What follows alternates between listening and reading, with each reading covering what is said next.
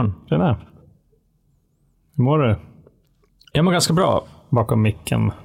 Ja, har eh, varit lite förkyld senaste veckan och sprungit på massa, känns det som, studentmottagningar. Ja, just det. Jag tänkte löpband. Men då... Nej. Um, men det är skönt, det är ju sommar. Och um, kul att sitta här också. Tillsammans. Du och jag Anna. Hur mår du? Ja, jag kände mig lite exkluderad stund. jag mår bra, tack. Vad har du gjort för att förtjäna det?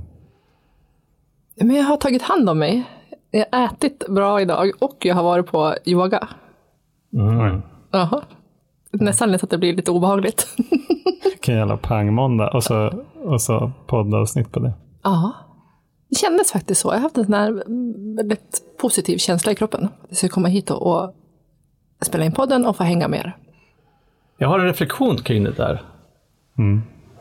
Um, ibland så får jag för mig att om man, som jag då och ni, har blivit nykter och tar hand om sig själv, så finns det liksom, alltså mellan raderna, så finns det några sådana här förväntningar på att man också ska ta hand om sig själv när det gäller andra saker. Till exempel äta bra, yoga, vara en fin människa. Så det känns som att man, alltså det här, man är liksom ingen jävla frikort på att vara en slarver. Dricka massa energidryck och käka massa skräpmat och, och liksom vara ute och slarva på nätterna. Utan att med att vara nykter så följer också liksom att det finns, det kanske bara jag som känner det, alltså förväntningar på att man ska leva ett sunt liv. Vad känner ni om det? Jag känner att jag, jag tycker om mig själv mer, vilket har lett till ett intresse att faktiskt behandla mig själv väl. Ehm, och därför. Ah. Och jag kanske också för att jag mår bättre också märker att jag får positiva effekter av till exempel äta okej. Okay. Vad säger du Johan? Ja, jag tycker det är, en, det är en bra fråga. Jag, kan ibland liksom tänka nästan tvärtom. Att så här, ah, men jag är så jag känner mig så duktig för jag dricker ju inte. Äh, då måste jag väl kunna liksom slira iväg och äta, äta chips på vardagar typ. Men, men samtidigt så förstår jag den här bilden. Att det, det, jag tror att nykterhet för många är lika med ett sunt leverne. Att det är en, en mer allomfattande definition på något sätt. Och när jag, när jag gör det jag ska, det jag mår bra av, det vill säga applicerar de här principerna i alla mina angelägenheter, då gör jag ju det även på liksom, hur min kropp mår och eh, maten som jag stoppar i mig och så här. Så att då blir mitt leverne också sundare, skulle jag säga. Så det hänger ju ihop. Mm. För mig i alla fall. Mm. Men, men det, det, kan ju också vara... Jag vill inte heller vara bakbunden av att det ska vara så jävla duktig heller. Nej, men det är, den, det är den lite grann som är obehagligt, att jag ska vara, jag tänkte säga någon jävla eh, renlevnadsmänniska. Mm. Ja, men precis. det kändes inte så schysst med det där jävla. För det, men de har ju inte tyckt så bra om förut, som ska vara så duktig på allt. Men det där är ju, alltså, jag, jag tycker att den stora skillnaden för mig i alla fall är så här, ja men det, det är väl okej att jag tränar, jag tränar mer nu än vad jag gjorde när jag var aktiv till exempel. Men frågan är så här, vad händer om jag inte tränar en dag? Går jag runt och mår dåligt över det då? Känner jag, liksom, känner jag ångest över det? Det är inte så bra. Men om jag, om jag tränar för att så här, ah, jag mår bra och sen så här, ah, nu tränar jag inte på några dagar, ah, men jag ska träna imorgon igen. Alltså så, och att jag, så här, progress not perfection. Men det finns också någon typ av tidsanda, tycker jag, som har gått på möten i 15 år snart. När jag började gå på möten, då var det så att i princip, inte alla, men minst hälften av alla som gick på möten då rökte ju. Det. Jag var på behandling, det var det man såg fram emot. Ut och röka i pausen. Det stod flockar liksom med alkisar och liksom rökte. Suger i sig så här. Och Då började jag också göra det. Jag gjorde inte det speciellt, ja, ibland, men jag gjorde det då. Du för att började det, röka i ja, men, nykterheten. ja, men det var ju så här liksom del av gemenskapen också. Stå ute och hänga, liksom känna sig lite cool med de här andra alkisarna, typ i rökrutan utanför möteslokalen. Men idag så, det är väldigt få känns det som. Mycket snus i och för sig, men, men ändå. Alltså det kändes som att, då tyckte jag att jag fick ett frikort i att, att röka. Mm. Ja, så här, summan av alla laster måste vara konstant. Lite grann. Jag slutar dricka, okej, då kan jag börja göra någonting annat för att liksom, jag får, måste få behålla balansen eller någonting sånt där. Jag tror att jag har gömt mig bakom det ibland. Att så här, ja, men jag har ju ändå lyckats sluta dricka, så då kan jag få Mm. köpa massa kläder eller äta massa godis eller göra bara massa onyttiga, dumma saker. För att jag ändå liksom, jag har lyckats med det, det viktiga. Ja, just. det. Mm, absolut, jag känner igen mig. Jag hörde, jag tror att det var förra veckan, så var det någon på jobbet som sa att, att eh, sättet som vi tänker på hållbarhet är sådär. Så det vill säga att så att det finns flera slash många som, så här, tänk, som till så här, källsorterar och liksom äter, äter mer veganskt och så. Det kan ibland vara så att de är så här, ah, men nu är vi så duktiga så här, vi kan unna oss den här liksom, resan till Mallis. Man liksom sprider ut det där. Det är så här, ja, ja, men vi gör i alla fall det här bra, så då kan vi unna oss det här. Ja, men det är lite samma, det är lite samma tankesätt och jag funderar på om det där är någonting, det är någonting ganska mänskligt av det där tror jag. Alltså, jag, vill, jag vill inte ta bort det som jag, på något vis mina belöningar. Nej, precis. Och det, eh, om vi då ska börja närma oss kanske dagens ämne. Ja, just det, jag har glömt bort vad det var. Nej, men just det där att, att ta bort belöningar eller sluta med någonting som man ändå tycker att alltså alternativet är ett, liksom, ett ganska okänt, i många fall kanske ett tristare sätt att leva. Mm. Tror jag, innan jag slutar dricka eller röka eller äta godis eller knulla runt eller vad fan det nu är som jag håller på med. Mm. Eller spela. För att eh, jag vet ju vad jag har och jag liksom har ju det som en snuttefilt ofta. Tänker tillbaks på hur jag dealade, argumenterade med och mot mig själv, liksom vad jag höll på med när jag drack för mycket. Och dricker jag verkligen för mycket? Har jag problem? Ja, mm, men jag kan sluta sen. Och vad fan håller du på med? Alltså det är mycket. Så när jag väl slutade med det så hade ju inte jag någon aning om vad som skulle hända. Ja. Och det är ju därför som, eller för mig i alla fall, det var, liksom, det var ju förmodligen det, det enskilt största hindret för att sluta, för att, att sluta dricka, för att jag hade någonting som jag, jag hade liksom ett liv som jag kände till. Och det andra var liksom okänt. Mm.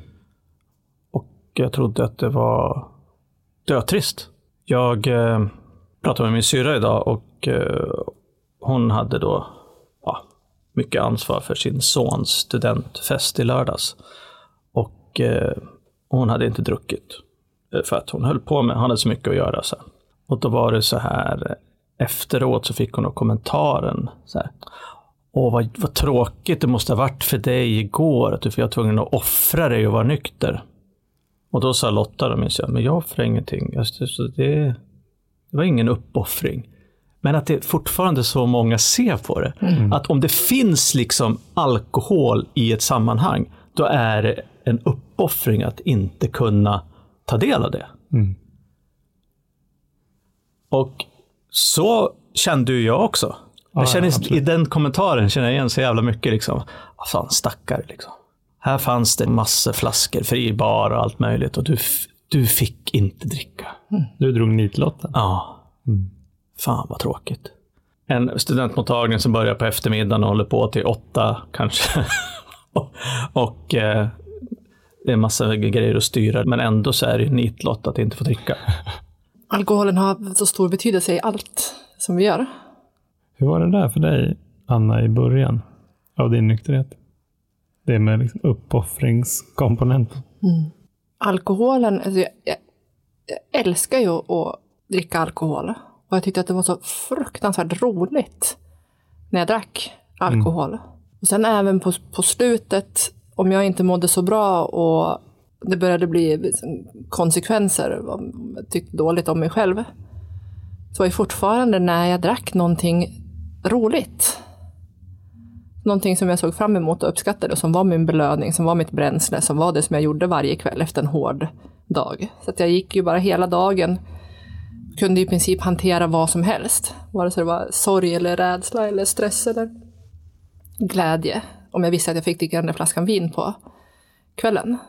Det jag skulle var ju bara att lära mig att dricka som folk. Jag skulle kunna dricka några glas och vara nöjd med det. Och så tänkte jag nog ända fram till någon dag innan det var en person som frågade mig, som var med i en gemenskap och frågade om jag inte skulle med på ett möte. Jag hade inte släppt in tanken överhuvudtaget innan att ta bort alkoholen helt från mitt liv, för att den var så omöjlig att tänka. För att det skulle vara lika med ett liv inte värt att leva. Typ. Ja, precis. Och det, det var din tanke innan du faktiskt blev nykter. Mm. Hur var det under första tiden i nykterheten då? Alltså när du väl hade tagit beslutet? Eller kommit till insikt i alla fall då? Ja, och det här måste ju låta märkligt med tanke på att alkoholen hade så himla stor betydelse i mitt liv och det var mitt bränsle och det som jag tyckte om att göra. Så när jag klev in på mitt första möte så visste jag ju i alla fall att alkoholen var ett, ett problem i mitt liv. Och jag... Ehm, jag ska inte dra ut på det här svaret så långt, för det finns ju några steg där innan, liksom, tills jag kom till, till som hände under mötena. Men det gick rätt fort. Alltså vi pratar om veckor. Där själva tanken på att dricka totalt hade förändrats till att jag inte ville det längre. Och inte någon form av, av kamp varje dag, att jag stod utanför systemet och fick liksom dra mig därifrån av någon, någon, någon viljestyrka, utan det var som att jag hade fattat ett beslut och hur jag, jag lyckades med det, fatta det beslutet och sen hålla fast vid det. Det är det som är det som är svårt att sätta ord på, vad som händer på, på möten och när man tar en sponsor och när man börjar jobba i stegen. Och det är kanske det som vi ska titta lite närmare på. Ja. Men jag tänker också så här att jag tror att det var så här för mig att när jag slutade senast då, Mm. så trodde jag nog inte att det var för alltid. Jag tänkte att det här var nog, för jag hade slutat en eller ett par gånger tidigare också och då hållit upp i kanske två veckor. Jag tänkte att det här var, ja men det var liksom, det var slut fast med någon typ av bakdörr. Förstås. Men av någon anledning så utnyttjar jag inte den där bakdörren. Och i mitt fall så beror det på några saker. Den ena saken det var att jag gick med på att åka på behandling. Så då var jag på, då var jag borta i fyra veckor.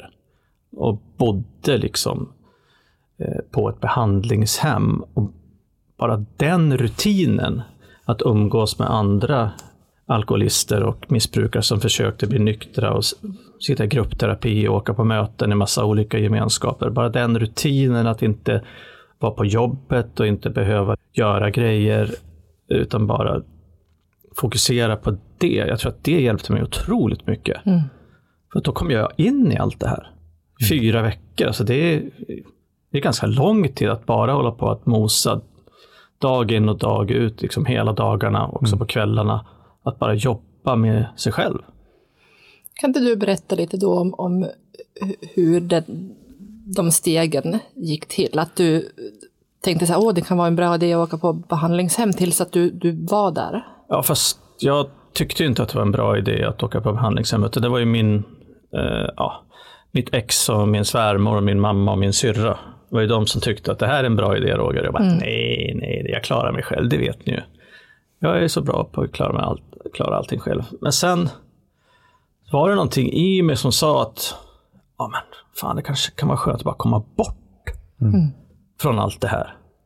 Tjatande, mycket välmenande, men ändå tjatande släktingar och nära vänner, jobb och ansvar. Bara för att liksom, typ lägga in sig på en hälsokur. Typ, så. så att eh, jag gick med på det och tyckte väl att det skulle bli ganska skönt att komma bort. Och det var ju när jag, under den tiden jag var på behandlingshemmet som jag dels eh, fick någon typ av min första andliga upplevelse och, eh, och kapitulerade för första gången. Mm.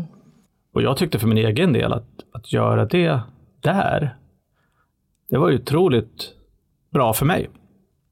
Så att om, om man har möjlighet eh, att åka bort på liksom internatbehandling, så det funkar skitbra för mig. Och jag minns att, och det här har jag ju berättat om förut, men den stunden då jag faktiskt fattade att jag var alkoholist, det var när jag skulle göra min konsekvensredovisning. Jag satt i vårt klassrum, då, eller terapirum, så här, kvällen innan och sen så skrev jag upp allting på whiteboarden. När jag såg eh, alla grejer på tavlan, då var det som en sån här matrix ungefär. Att det bara så, jag ser liksom, nu ser jag hur allting hänger ihop. Mm. Jag bara, fan. Jag bara, det här har aldrig jag vågat titta på förut.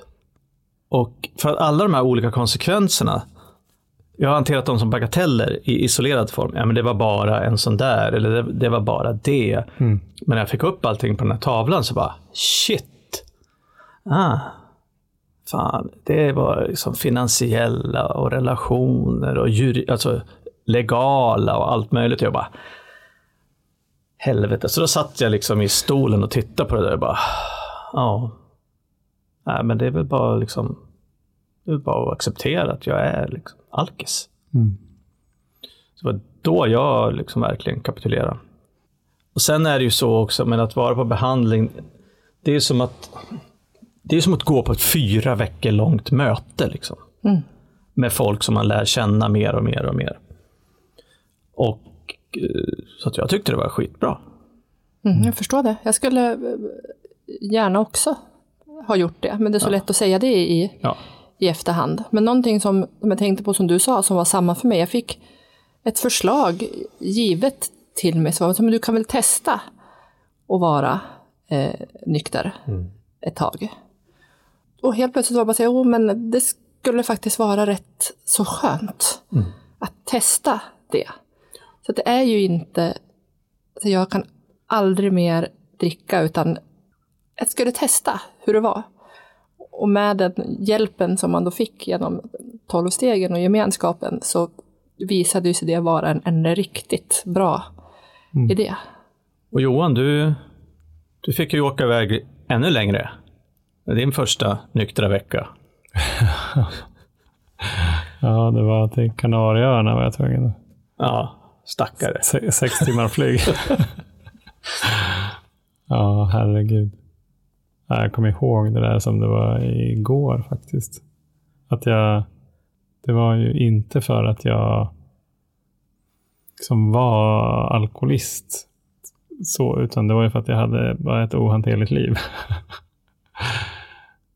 Men så, så med de här reflektionsövningarna och samtalen som jag fick del av där nere så, så blev det så uppenbart att, att livet kan aldrig bli lyckligt med alkohol i det. Och min, min, min insikt kom ju när jag såg vilka konsekvenser får jag på både kort och lång sikt. Det var liksom det som var så här ögonöppnaren för mig. Att det kunde väl vara så här lite jämnt skägg liksom med konsekvenserna på kort sikt. Ja, jag kanske är lite trött och lite så här grinig, och, men det är rätt kul. Ja, det händer massa sjuka saker och har bäst historier på jobbet på måndag. Men, men jag hade aldrig vågat, apropå så här, jag tänker mig så här, jag hade aldrig, precis som du sa, vågat se vidden av mitt nuvarande beteende. Se de där liksom, mönstren och se vart är det det här kommer leda till. Där om jag spolar upp, spolar upp hela filmen. Liksom. Och några av dem det har jag också nämnt förut, men det var ju så här, jag kommer bli ensam. Jag kommer förlora mitt jobb. Jag kommer förlora min lägenhet. Jag kommer dö i förtid och jag kommer inte kunna bli pappa. Och då, då blir det så uppenbart, här, vad, vad ligger i den andra vågskålen egentligen? Eh, och hur, där, om jag fortsätter att dricka, då gör jag liksom ett val som är helt ologiskt. Då, med de insikterna. Men det var ju helt logiskt fram till dess.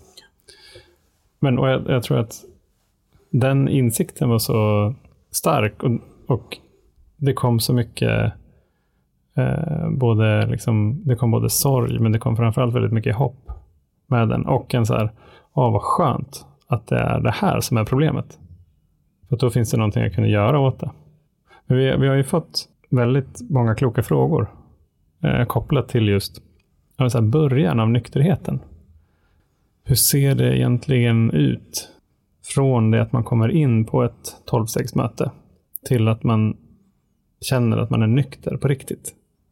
Och då inte bara med hjälp av viljestyrka utan så här, man uppnår de här kanske fridfulla effekterna av nykterheten.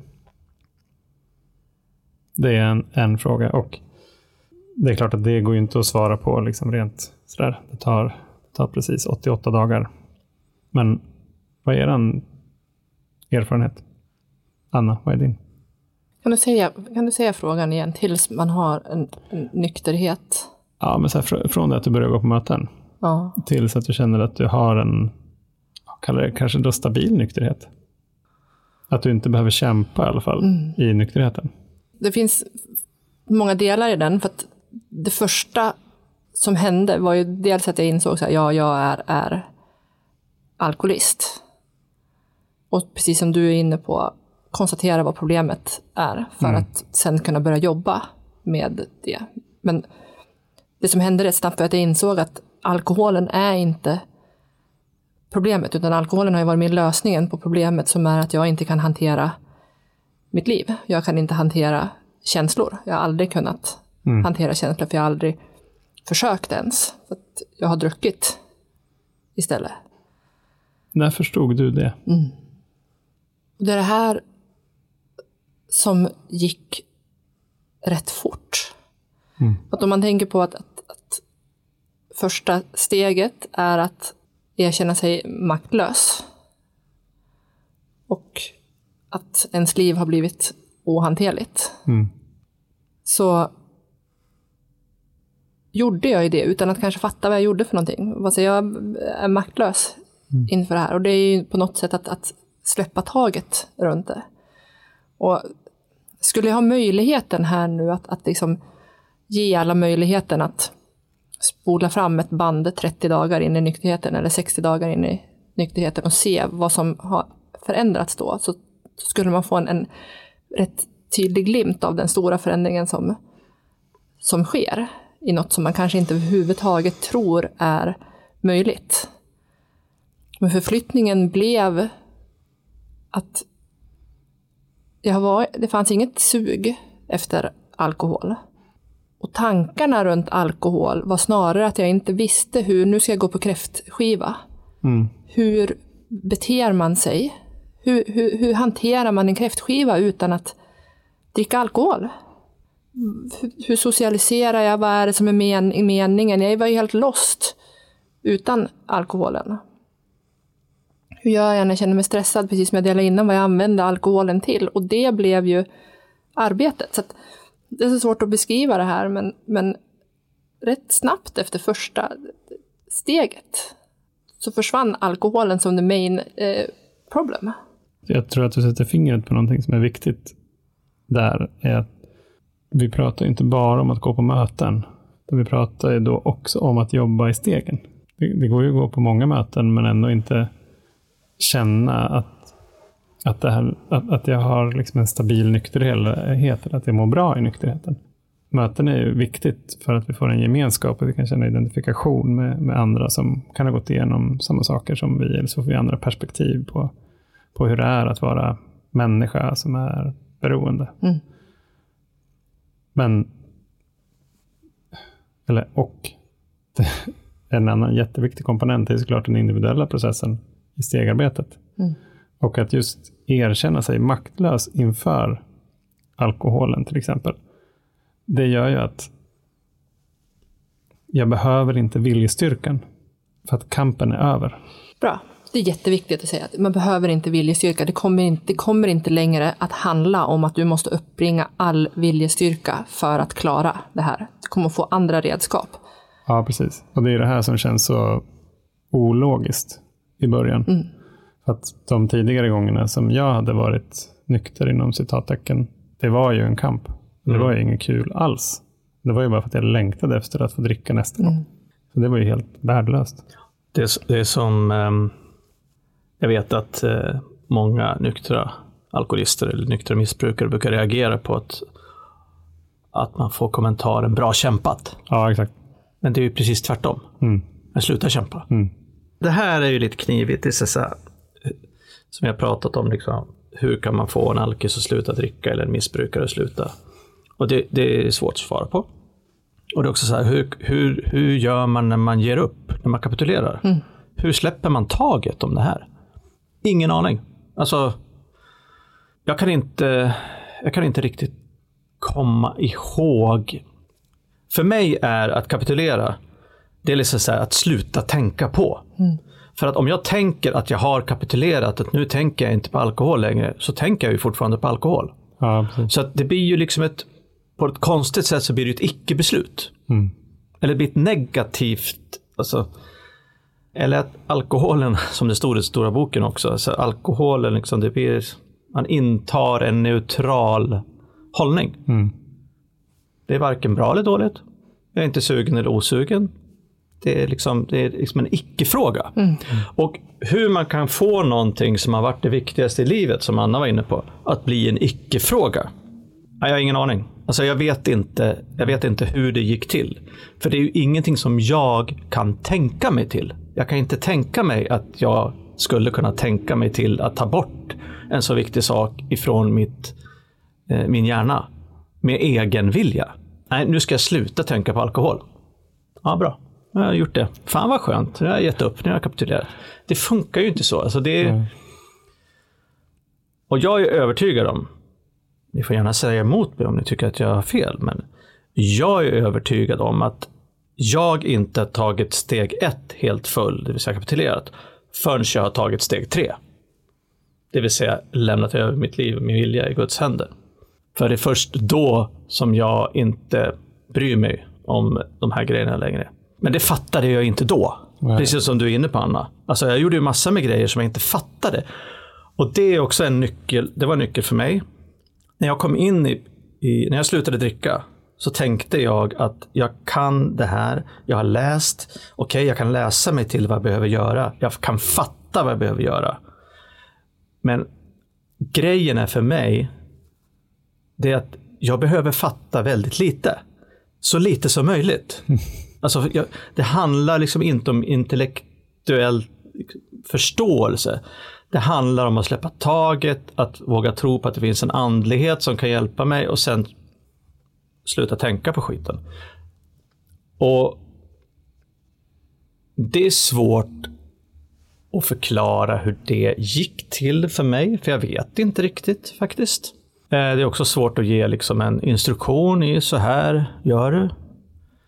Jag tror att jag tror till och med att jag sagt det på det. Jag tror att jag fick min, min första riktigt andliga upplevelse om just det här med alkoholen och att släppa taget när jag var på behandling. Jag satt på toaletten typ. Jag känner många som har vittnat om att, ja, men, eh, så här, fake it till you make it, att man som börjar be och man fortsätter be och sen så ber man fast man inte tror på det. Sen så går man ner på knä och ber och ber och ber och ber och till slut så är man framme någonstans. Och det är det som är lite lurigt om man får ett sånt här eh, jättefint formulerade frågor om hur funkar det? Det korta svaret är Bryr inte om det. Släpp taget bara. Det är det korta svaret. Tro att på att det finns en andlig kraft, en kraft som är större än dig själv som kan hjälpa dig. Punkt. Det är det korta svaret. Du behöver inte veta. Men jag inser också att det är ett, ett ganska otrevligt svar. Men i mitt fall är det så, alltså jag, jag tycker att ju mindre jag försökte förstå, ju mindre jag försökte klänga fast vid det som jag hade, ju mer jag släppte taget, ju mer jag lyssnade på människor som jag träffade, ju mer jag gjorde som andra människor sa, ju mer jag litade på att det fanns en kraft som var större än jag själv, desto lättare gick det. Mm, jag, vill, precis, jag vill lägga till där att alla de här sakerna som, som Roger pratar om nu är ju ingenting som Roger själv har kommit på att han ska göra. Utan det här är ju smakprov, eller kan vi säga delar av det som, som stegarbetet handlar om. Så ska man säga någonting så här som någon, någon how to, så att gå på sitt första möte hitta det på, på en hemsida på AA eller, eller CA. Gå på ett möte, lyssna på vad människor säger där. Att ha en sponsor och att sponsorn vägleder genom stegen. Då kommer steg tre. Då kommer bön. Då kommer de här delarna. Så det kan vi i alla fall tydligt säga att sluta tänk så mycket och handla och gå på möte och göra det de säger. Ja, precis. Det, det, det jag tänker också, om, om jag ska sammanfatta det där för mig själv, så är det att våga hänge mig åt processen. Och det här som att släppa taget, det är att släppa taget om resultatet. Mm. Det vill säga, vem kommer jag att bli? Precis, och det där är, du säger hänge. Ja. I stora boken så ska man ju underkasta sig Ja, detta enkla program. Och det står ju tydligt i texten där. De som inte tillfrisknar är de som inte helhjärtat kan eller vill underkasta sig detta enkla program. Punkt. Men hur fan får man till det där kannet och villet då?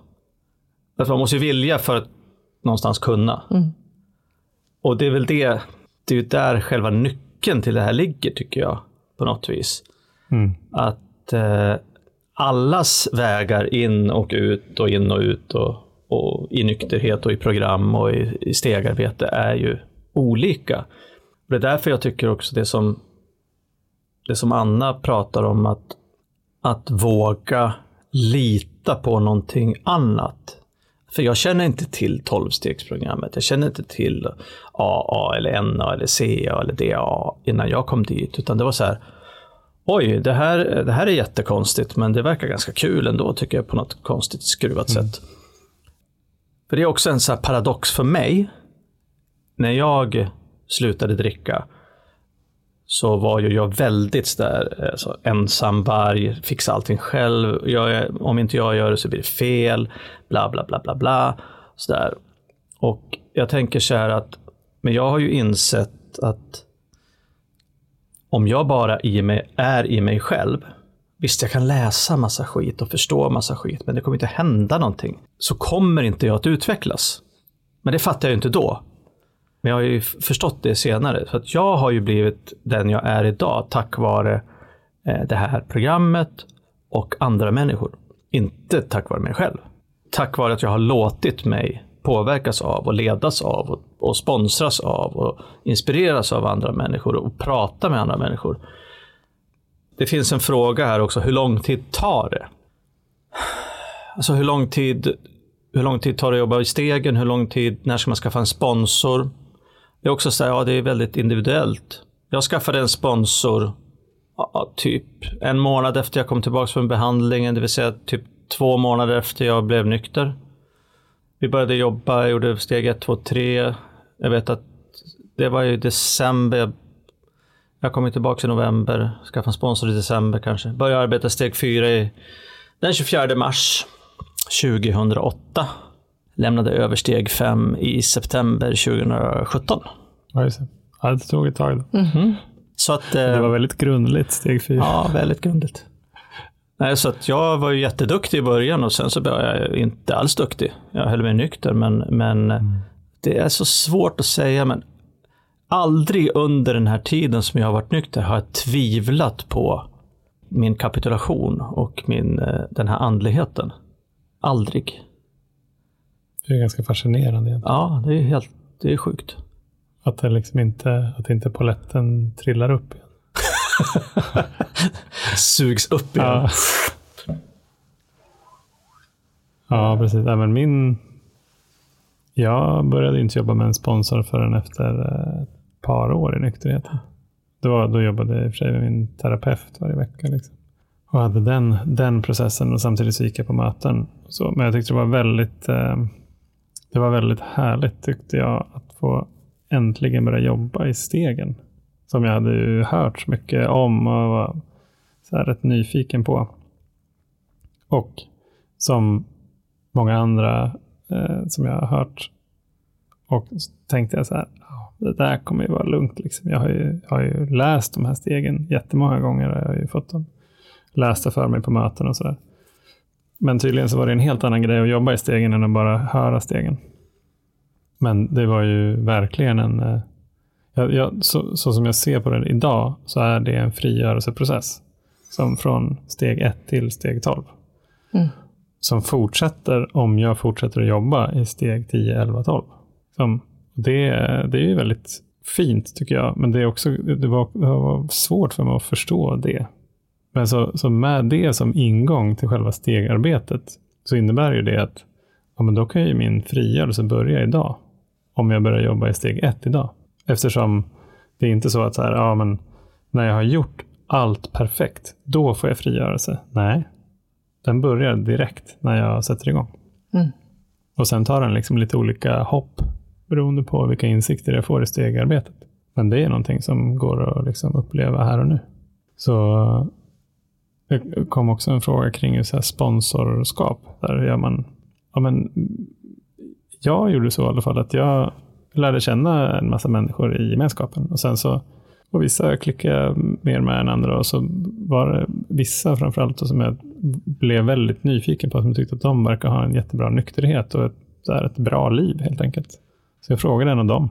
Och att det, får, liksom, att det kan få styras lite av den här attraktionskraften. Mm. Hur gjorde du, Anna? Ehm, jag hade varit nykter utan möten och gemenskap i en månad. För jag gick till en beroendeklinik och ja, det där som jag berättade att jag hade tanken på att jag skulle lära mig att dricka som folk. Eller ta den här medicinen, vad det nu heter, som man ska ta och så är man bara sugen på ett, två, tre glas. Och då min kära vän som var med där var ju bara så här, men Anna, du är helt slutkörd, kan du inte bara, ska du inte bara testa att ta en paus? Och då var då något galet fönster öppnades, jag bara så här, jo, jag måste ta paus. Och så tog jag gärna pausen och sen så träffade jag på den här tidigare kollegan som frågade om jag inte skulle följa med på ett möte. Och då gick jag på ett möte och nästan alla på det här mötet delade till mig, som då var nykomling, att det som hade hjälpt dem tillfrisknande var att komma tillbaka på ett andra möte och att ta en, en sponsor.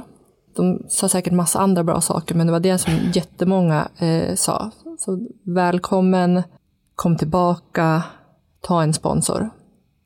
Och det som de delade om, jag hade aldrig varit med om människor som delade sådär från, från hjärtat. Och delade helt, helt transparent och öppet. Och jag kände igen mig så himla mycket, så jag var bara så här, varför ska jag nu inte lyssna på vad de säger för någonting? Det fanns liksom ingenting som var bara så här, nej, nu här ska jag gå min egen väg igen. Liksom. Jag hade mm. ju försökt sabla länge. Så fanns det en, en tjej där som såg väldigt välmående och, och glad ut. Så att jag gick helt enkelt fram och frågade henne på mitt första möte. Mm. Jäkla mod nu så här i efterhand. Ja, så, verkligen. Ja.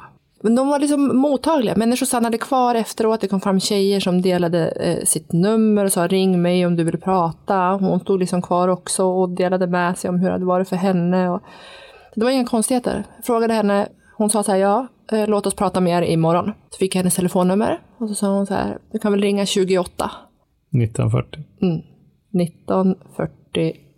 Och det blev också vår, vår tid sen som vi pratade varje kväll ett rätt långt tag. Men eh, så ja, första dagen i gemenskapen tog jag en sponsor och där, precis som du säger, där och då började ju min frihet från beroendets slaveri.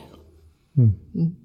Vet du, när vi, du, du nämnde väldigt fint här om att dela och att det var andra personers delningar som gjorde att du att dels att du så vågade, vågade komma tillbaka och vågade fråga om en sponsor till exempel. Och vi har fått en fråga om just det. Eh, det att dela. Och den lyder så här. Jag som inte alls vill stå i centrum tycker det känns oerhört jobbigt att dela kväll efter kväll. Jag är rätt noggrann av mig och tror att jag hade behövt förbereda min delning i flera dagar. Det känns ju ohållbart. Vad tänker ni kring det? Roger, vad tänker du kring det? Eh, det låter väldigt... Um, jag tror att det är väldigt vanligt att känna så. Mm. Och eh, alltså det känns väl lite så här förmätet att sitta, vi som har pratat i en podd i fyra år och tycka att ja, men det är klart vi ska dela, det är inga problem att prata. Eftersom vi pratar om det här hela tiden. Mm. Men jag, eh, jag säga en sak om delningar. När jag var nynykter och började gå på möten så pratade jag oavbrutet om eh, väldigt fort och väldigt högt om allt möjligt som försiggick i mitt huvud. Och det var ganska mycket grejer. Så att det var så här först när jag utan att tänka på det själv, när jag eh, hade varit nykter ett tag, kanske inte delade så länge och så mycket och så fort och, och, och lite lugnare, det var då folk började komma fram till mig och säga så här, det verkar som du mår bättre nu. Så att alla är vi olika. Men en sak som jag lärde mig, det var att var på möte som jag gick i början så, så var det en kille som kom ganska ofta och han delade varje gång om att han, att han ville dricka och att han skulle dricka och att han hade druckit. Alltså regelbundet upprepat och eh, han, att han inte trodde på det här programmet och att det fanns inget hopp för honom. Och jag minns att jag och några andra tyckte att varför ska han få komma hit och dela på det här sättet och bla bla bla. Så var det någon gammal gubbe som sa att men det är förmodligen, förmodligen hans sätt att hålla sig nykter. Mm. Och då det blir så här som en spark i magen. Ah, Okej, okay. alla delningar kanske inte är just till för mig. Att jag ska må bra. Utan, och det är också någonting att skicka med att alltså delningar, jag tycker så här själv, att det, huvudsyftet med delning, det är ju för att jag ska kunna prata om saker som jag vill prata om eller behöver prata om. Mm. För att jag kanske kan få mig att må bättre eller för att jag har varit med om något bra med, som jag vill dela eller är stressad eller rädd för någonting. Det tycker jag är huvudsyftet. Eh, Och så det sekundära syftet det är att de som är på mötet får kanske lära sig någonting nytt eller känna igen sig. Jag brukar tänka på det ibland när jag tycker folk delar så jävla dåligt. Och det gör jag. Det ska, det, alltså, det ska jag erkänna. Vissa är ju riktiga jävla stolpskott. Och de säger dumma saker. Men så brukar jag tänka på det här. Okej, men det är förmodligen det just det här den här människan behöver prata om idag för att, för att liksom hålla sig nykter eller kanske få släppa ut någonting från ryggsäcken som man har. Jag ska inte sitta liksom och döma folk. Och i princip, jag tror att jag inte ljuger om jag säger att jag har nog fått med mig någonting viktigt från vartenda möte jag varit på under hela min nyktra tid i 15 år. Jag, jag tror inte att jag har gått ifrån ett möte en gång och sagt att det var bara skit. Vilka jävla idioter. Utan det har alltid funnits någonting som bara, ja just det, det där, fan det där behöver jag också jobba med. Eller tänk, det där har jag inte tänkt på. Eller fan det där var ett nytt sätt att se på saker och ting. När jag säger att det alltid har varit det så ofta är det ju ofta är ju liksom 80-90 procent av alla delningar sådana saker. Ja, just det, just det, ja, fan vad bra. Jag tycker på ett, ett sätt som man pratar om delningar, ja. säg det du behöver säga. Om du inte vill säga någonting, säg ingenting. Men lyssna liksom på de andra. Mm. Det är fan viktigare. Ofta. För mig. Jag pratar ju fortfarande ganska mycket som ni märker. Så att eh, jag får ju snarare kanske träna på att eh, inte prata så jävla mycket. Hålla käft ibland. Håll käft. Det är skitsvårt. Ska jag berätta för er. Ber- ber- Berätta Roger lite utförligt, hur svårt är det? Ja, en, en sak som jag tänker på är just, eh, jag fick ett råd inför mitt första möte. Att lyssna på likheterna inte skillnaderna. Det, var länge sedan jag tänkte på det. Och nu, bara så här, ja just det. För att det, det liksom tunar in mina öron på ett sätt. Jag kan ju sitta där och bara så här, hur, på vilka sätt är jag olik den här personen? Och så kommer jag på tusen grejer. Eller så kan jag tänka på hur är vi lika? Så vad gäller delningar, jag tycker det var jättebra det du sa Roger. Och det jag, det jag tänkte på liksom för egen del var att jag, jag behöver dela, inte för att säga rätt saker, utan för att förs- förstå vad jag känner. Det är på något vis så jag använder delningar. Att, att försöka vara ärlig med vad som liksom snurrar, både, ja, men både känslomässigt och tankemässigt. Ibland så kan det vara så här helt mentalt besatt av någonting. Men det, jag, jag tycker delningar är ett fantastiskt verktyg för att förstå mer av vad jag tänker och känner. Och man kan ju ge sig på att det sitter någon annan person på det där mötet som antingen känner och tänker samma sak eller har gjort det i alla fall. Och som därigenom då inte känner sig ensam i det. Anna, hur tänker du? Jag tänker att, att ehm, men först, först vill jag väl säga att jag är fortfarande nervös eh, inför delningar. Och jag kan fortfarande känna att det är som en liten fågelunge i, i hjärtat. Vet, den här pick, pick, pick, när, det, när det är dags för delning. Och övningen då, det som, det som jag blir medveten om det, det är ju min, min, att jag är väldigt självmedveten där, att jag blir självcentrerad och fokuserar på att det jag ska säga ska vara någonting bra. Istället för det som, jag vet inte hur det är på alla gemenskaper, men, men när vi går igenom liksom, inför, när vi startar delningarna, så läser vi en text från boken som handlar om något av stegen. Och sen så blir liksom förslaget att dela om lösningen, eller någonting som ligger dig varmt om hjärtat. Så det jag delar om är ju min upplevelse av hur det var när jag gjorde steg ett, eller när jag gjorde steg fem, eller när jag gjorde steg tolv. Så det kan ju aldrig på något sätt vara fel, eller ja, men det kan aldrig vara fel det man delar, utan det är min upplevelse av, av hur det var. Eller som, som Roger sa också, att dela någonting om hjärtat, någonting som jag har varit med om, som jag behöver få ut. Eller någonting positivt, att det här har stegarbetet lett till i mitt liv. Även fast man är nervös, även fast jag tänker ibland under en hel runda med 30 stycken som delar innan på vad är det för någonting jag ska säga, så blir ju det också fnissigt för mig. Mm. Att jag bara säger, okej, okay, nu har jag suttit här i 25 minuter. Jag har lyssnat, men jag har också samtidigt fokuserat på vad jag ska säga för mm. någonting. Mm. Ska du testa nu de tio som är kvar nu, att, att vara närvarande?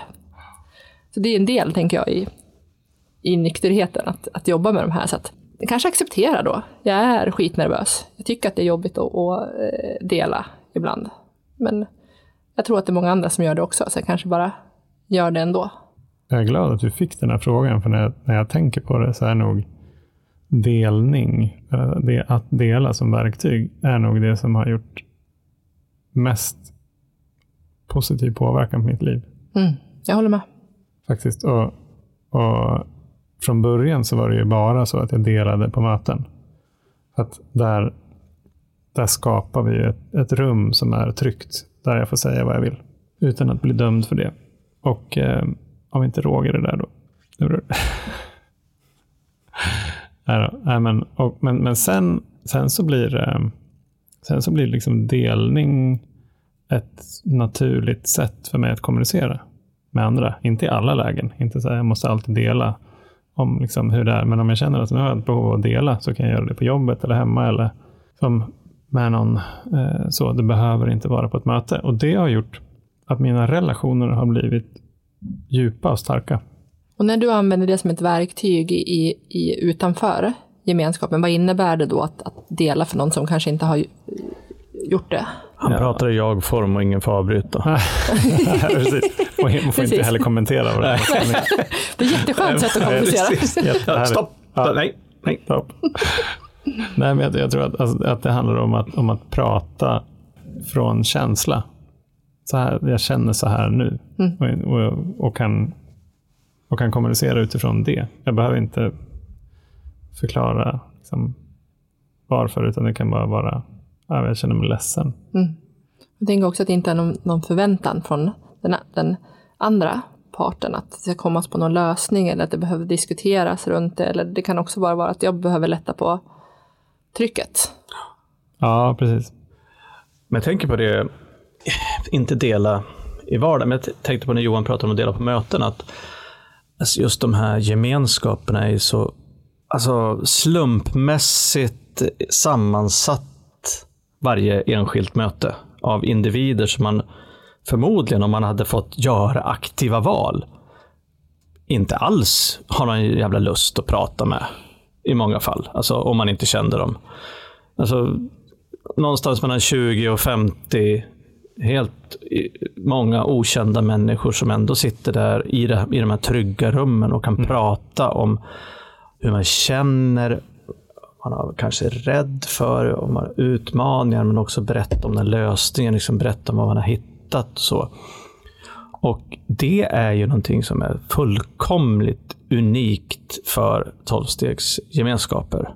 Att man kan slänga in vilken som slumpmässigt utvald, höll jag på att säga, egentligen eh, samling människor av tillfrisknande missbrukare som helst i ett rum och de beter sig som ansvarstagande liksom, människor.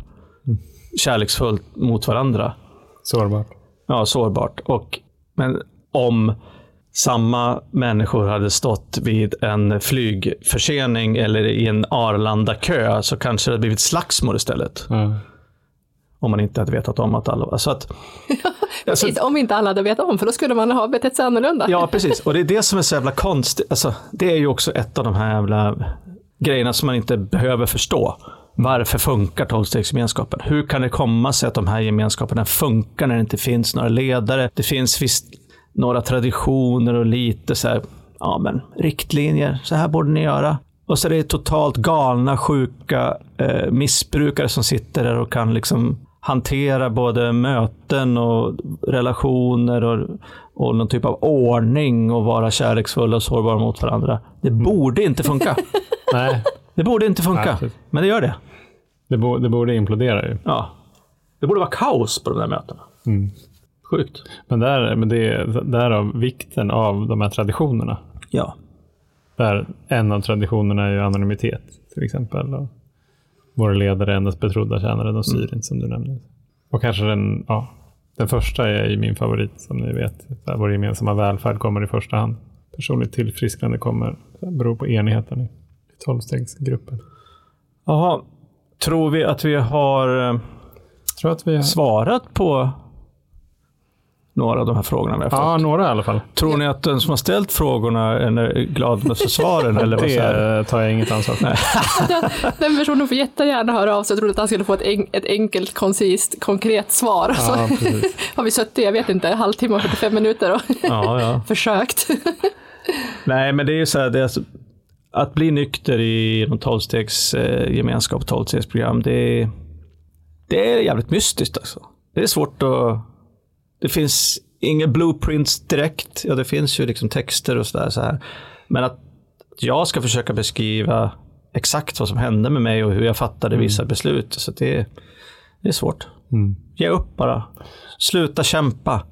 Tänk att även fast det finns någonting okänt där som du tycker är obehagligt eller skrämmande, så är det, kommer att bli, i alla fall, bättre än det du har idag. Mm. kan jag fan lova. Om du bara gör som vi säger. Ja, Anna, vad tänker du? Som avslutning på detta samtal. Jag har liksom flikat upp överläppen nu och sitter liksom och bara så här nickar bara så här, ja, så är det. Bra sagt. Ja. Vad fint det var att få dela lite med er idag. Apropå det.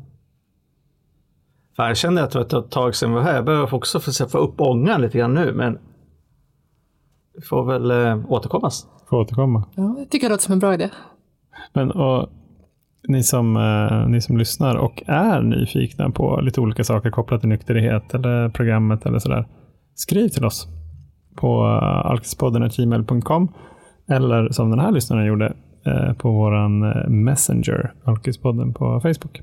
Det kan man göra. Eller på våran Instagram. Fint hörni. Och ha en, eh, ha en fin sommar så hörs vi kanske under sommarlovet. Mm, Det får vi, vi får se. se. Mm-mm. Ta hand Ha om det er. bra hörni. Kram. Kram. Hej.